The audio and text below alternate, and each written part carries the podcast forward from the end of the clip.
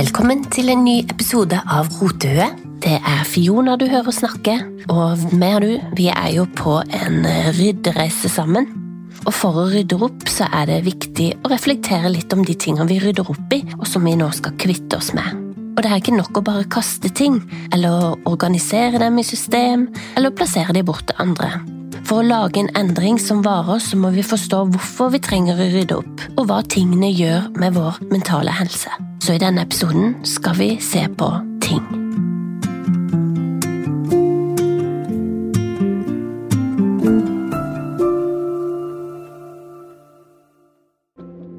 Ting har rett og slett vært viktig for meg. Jeg har vel aldri hatt noe spesielt god råd, men jeg har alltid hatt mulighet til å kjøpe ting. Masse ting. Og det jeg kjøper ting det gir meg en slags umiddelbar god følelse, og jeg tenker at det er litt rikere enn det jeg egentlig er. Det er kanskje også noe beskyttende i det der. Når jeg kjøper noe, så har jeg iallfall den tingen jeg har kjøpt. Altså, pengene mine har gått et sted. Så det er nesten som det er om å gjøre å plassere pengene jeg har, over i noe fast som jeg kan se. Egentlig så er det jo en helt merkelig tankegang, og jo mer jeg blir bevisst på det, jo rarere syns jeg det er. Når jeg var liten, så hadde vi alt jeg trengte. Min far var lærer, og min mor sosionom. Arbeiderklassen som tjente akkurat nok til å dekke utgifter, og til og med danmarkstur hver eneste ferie. Mine foreldre brydde seg ikke om fancy møbler, biler eller klær. Vi ville heller på ferie. Og i dag er jeg veldig takknemlig og veldig enig i den prioriteringen og tankegangen. Opplevelsene er jo noe jeg husker ennå, men jeg lærte også å gå på salg. Min mor fant alt mulig på salg, og vi to vi kosa oss i butikker med å gjøre gode kupp. Og det hang igjen litt senere i livet, og jeg følte jeg tjente penger med å gå på salg. Derfor endte jeg opp med mange lysestaker, duker, billige klær som ikke holdt seg fine, og generelt mye nips og naps og som var helt uten verdi.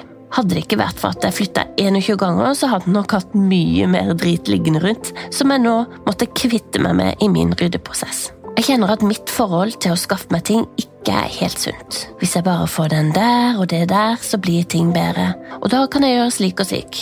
Altså, jeg har kjøpt en eggmaskin som spruter ut pølser av egg. Why? Jeg kjøpte en leppeforstørrer, sånn vakuumsucker, for 1200 før klokka sju om morgenen en gang.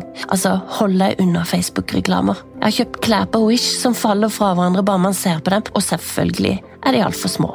Og hva skulle jeg med nok en væske som jeg kan legge mynter som limer seg sammen med smelta Mentos i bunnen? Ikke vet jeg, men det hørtes ut som en god idé akkurat da. Jeg tror at det å kjøpe noe gir oss en falsk trygghet på at pengene våre er plassert et sted. Men det er jo ikke det når det vi kjøper mister verdi, eller rett og slett ikke har noe verdi i det hele tatt. En investering er jo f.eks. bolig, kunst, samleobjekter. Alt annet taper jo verdi.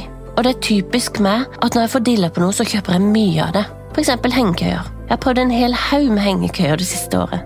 Og jeg har gitt vekk hengekøyer til familie og venner, og det syns jeg er en fin gave. Det er jo en ting som gjør rom for opplevelser. Men det var vel ikke strengt tatt nødvendig å kjøpe fem til meg sjøl av ulik kvalitet. Nå skal sies at turutstyr er ikke det jeg angrer mest på. Turutstyret mitt det gir meg mange opplevelser og gleder. Det fremmer både fysisk og mental helse. Det jeg angrer mest på, er nok mer garderoben min. Jeg har nå kvitta meg med over halve og kan godt bli kvitt mer. Det som føles godt, er at jeg har forsynt vennene mine med flotte treningsklær og kjoler.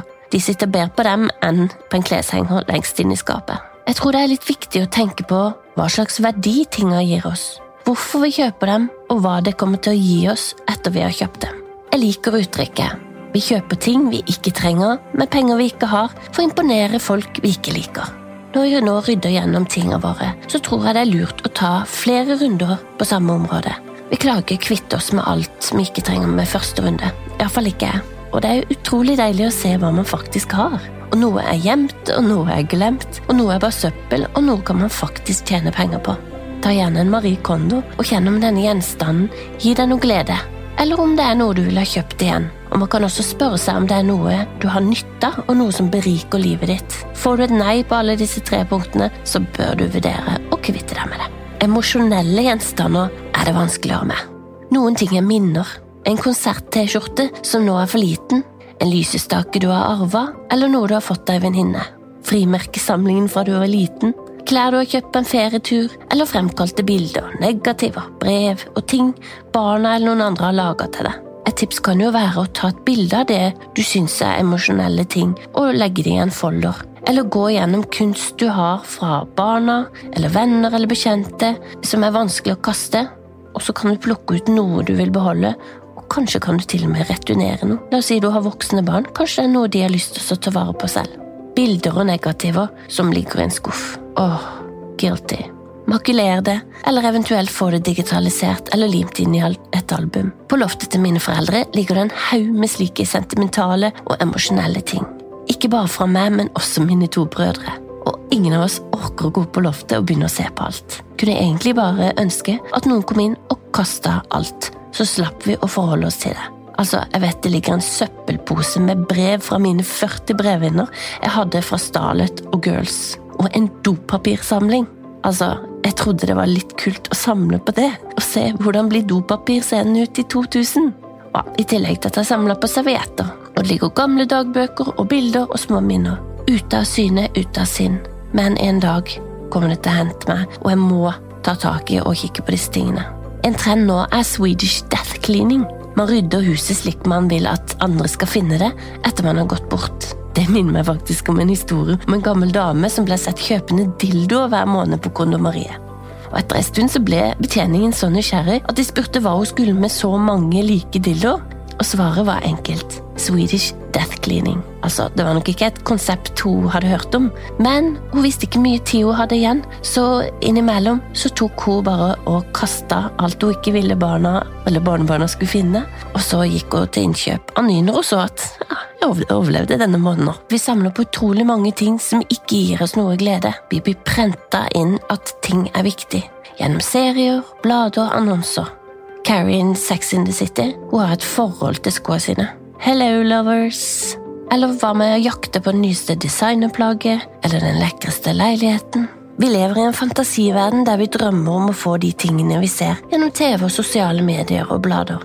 Begrens den tida du bruker på å se på ting, og bruk heller tida på noe som er bra for deg. Les en bok, tilegne seg ny kunnskap, være sammen med venner, familie eller gjøre noe produktivt. Ikke bruk krefter på å sammenligne deg med hva andre har. Vi vet ingenting om deres lykke, og spesielt ikke om det er tingene de reklamerer for som gir dem lykke. Mange studier viser nå at det å omgi seg med masse rot og gjenstander og ting, det er ikke bra for vår mentale helse. Og det står faktisk i veien for at vi sjøl skal finne vår egen identitet og klare å fokusere på ting som virkelig er viktig for oss. Som Steve Jobs sa rett før han døde, jeg klokket til 30 000, og jeg klokket til 300 i samme nytten med å fortelle tida.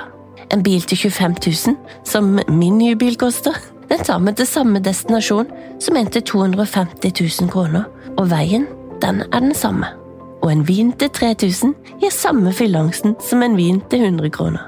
Så la tingene jobbe for deg, ikke la det være sånn at du jobber for tingene uten å få noe igjen. Ta rådet til minimalistene Joshua Fields og Ryan Nicodemus. Love people and use things, because the opposite does not work.